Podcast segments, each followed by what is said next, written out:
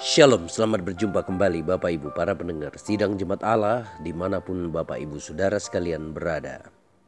Saya percaya Bapak Ibu para pendengar saudara sekalian dalam kondisi yang sehat, diberkati oleh Tuhan, dipelihara dalam segala kebaikan, serta kemurahan Tuhan. Kita akan segera mendengarkan renungan firman Tuhan hari ini dengan judul Bersiap. Markus pasal 6 ayat 31 berkata, mereka sangat tercengang dan bingung.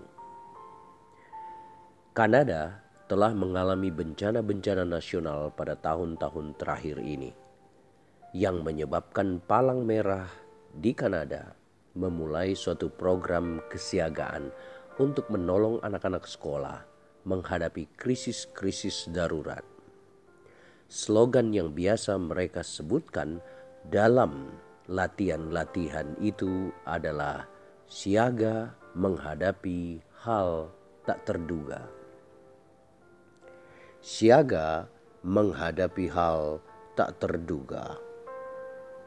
Nah, dalam kitab-kitab Injil, murid-murid sering tercengang dan kagum melihat perilaku Tuhan kita Yesus Kristus Kata-katanya dan mujizat-mujizatnya begitu luar biasa. Ketika dia menyembuhkan orang lumpuh dalam Markus pasal 2 misalnya. Mereka semua takjub lalu memuliakan Allah katanya. Yang begini belum pernah kami lihat. Mereka belajar untuk menghadapi hal-hal yang tak terduga ketika mereka bersama Tuhan. Nah, Bapak Ibu para pendengar yang dikasihi oleh Tuhan Yesus Kristus, kadangkala dalam kehidupan kita banyak hal-hal yang tak terduga akan terjadi. Bisa saja itu persoalan, masalah, penyakit, tekanan, kehilangan, pergolakan, pergumulan hidup.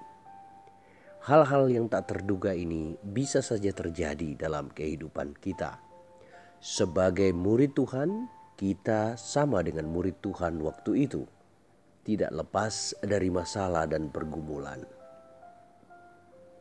Nah, jika kita seorang murid, kita belajar untuk menghadapi hal-hal yang tak terduga. Karena kita tidak pernah mengetahui apa yang akan dilakukan oleh Kristus selanjutnya bagi kehidupan kita, di dalam kita, dan di sekeliling kita karena itu, kita harus mempersiapkan diri di dalam segala hal. Sebagai murid Kristus, kita harus melihat bahwa Kristus terus melakukan banyak perkara dalam kehidupan kita, mengizinkan banyak hal terjadi dalam hidupkan kita untuk mengubahkan kita. Kristus tidak pernah ingin melihat kita sebagai bayi rohani selamanya. Dia ingin membuat kita tumbuh menjadi seorang yang dewasa secara rohani. Dia merubah makanan kita, ia melatih kita berjalan, ia mendidik kita mendengarkan suaranya, ia menuntun kita melewati saat-saat sulit, mengalami sakit, tekanan dan berbagai macam hal. Nah, murid-murid waktu itu juga mengalami hal yang sama. Tetapi Hal inilah yang harus kita pelajari. Meskipun mereka melewati hal-hal sulit dan berbagai macam berat, mereka berjalan bersama dengan Tuhan. Karena itu Bapak Ibu para pendengar yang dikasihi oleh Tuhan, harapkan dia untuk menjawab doa-doa kita.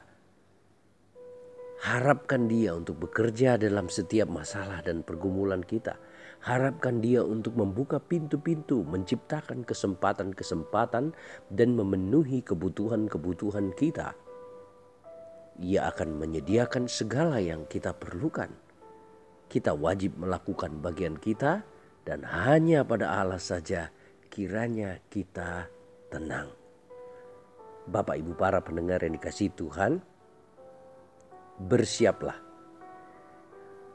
Karena setiap kita, suka atau tidak suka, sadar ataupun tidak, mau ataupun tidak, pasti akan berhadapan dengan pergumulan, tekanan, dan masalah. Kuncinya di sini. Kita harus bertindak seperti dengan murid Tuhan. Apa itu? Kita berjalan bersama dengan Tuhan. Hidup bersama dengan Tuhan. Sebelum mengawali hari ini, baiklah Bapak Ibu berdoa terlebih dahulu, menyerahkan kehidupan kita, memohon perlindungannya, dan menguatkan kita.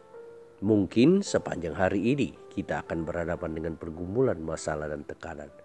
Tetapi kalau kita mengawalinya di dalam doa terlebih dahulu, maka akan ada kekuatan yang memampukan kita untuk dapat melewati semua tantangan itu. Tidak ada yang sulit, tidak ada yang mustahil bagi Dia, tetapi Dia juga melatih kita untuk berhadapan dengan masalah-masalah yang sulit, masalah-masalah yang berat, karena Alkitab berkata, Tuhan melatih kita seperti seorang ayah yang melatih anaknya. Jadi, Bapak Ibu Saudara sekalian, kita adalah murid Kristus sekaligus anak-anak dari Bapa kita yang di sorga. Bapak ingin selalu yang terbaik bagi kita. Karena itu, bersiaplah dia akan melakukan banyak hal yang baik dalam kehidupan kita. Ingat bahwa segala sesuatu yang dilakukannya dalam kehidupan kita selalunya mendatangkan kebaikan bagi mereka yang mengasihi Dia. Kita kadangkala melihat persoalan sebagai tekanan, beban, dan pergumulan hidup. Berbeda dengan Tuhan. Ia mengizinkan masalah, tekanan, dan pergumulan sebenarnya untuk kebaikan kita. Tahukah Bapak Ibu Saudara sekalian ketika kita masih kecil kita divaksin lalu tubuh kita demam. Tetapi bertahun-tahun kemudian setiap penyakit yang datang ke dalam tubuh kita kita telah memiliki kekebalan antibodi tertentu sehingga kita dapat melewatinya. Karena itulah Bapak Ibu layaknya vaksin mungkin pada saat dia diberikan tidak mengenakkan membuat tubuh kita demam, badan terasa sakit semua.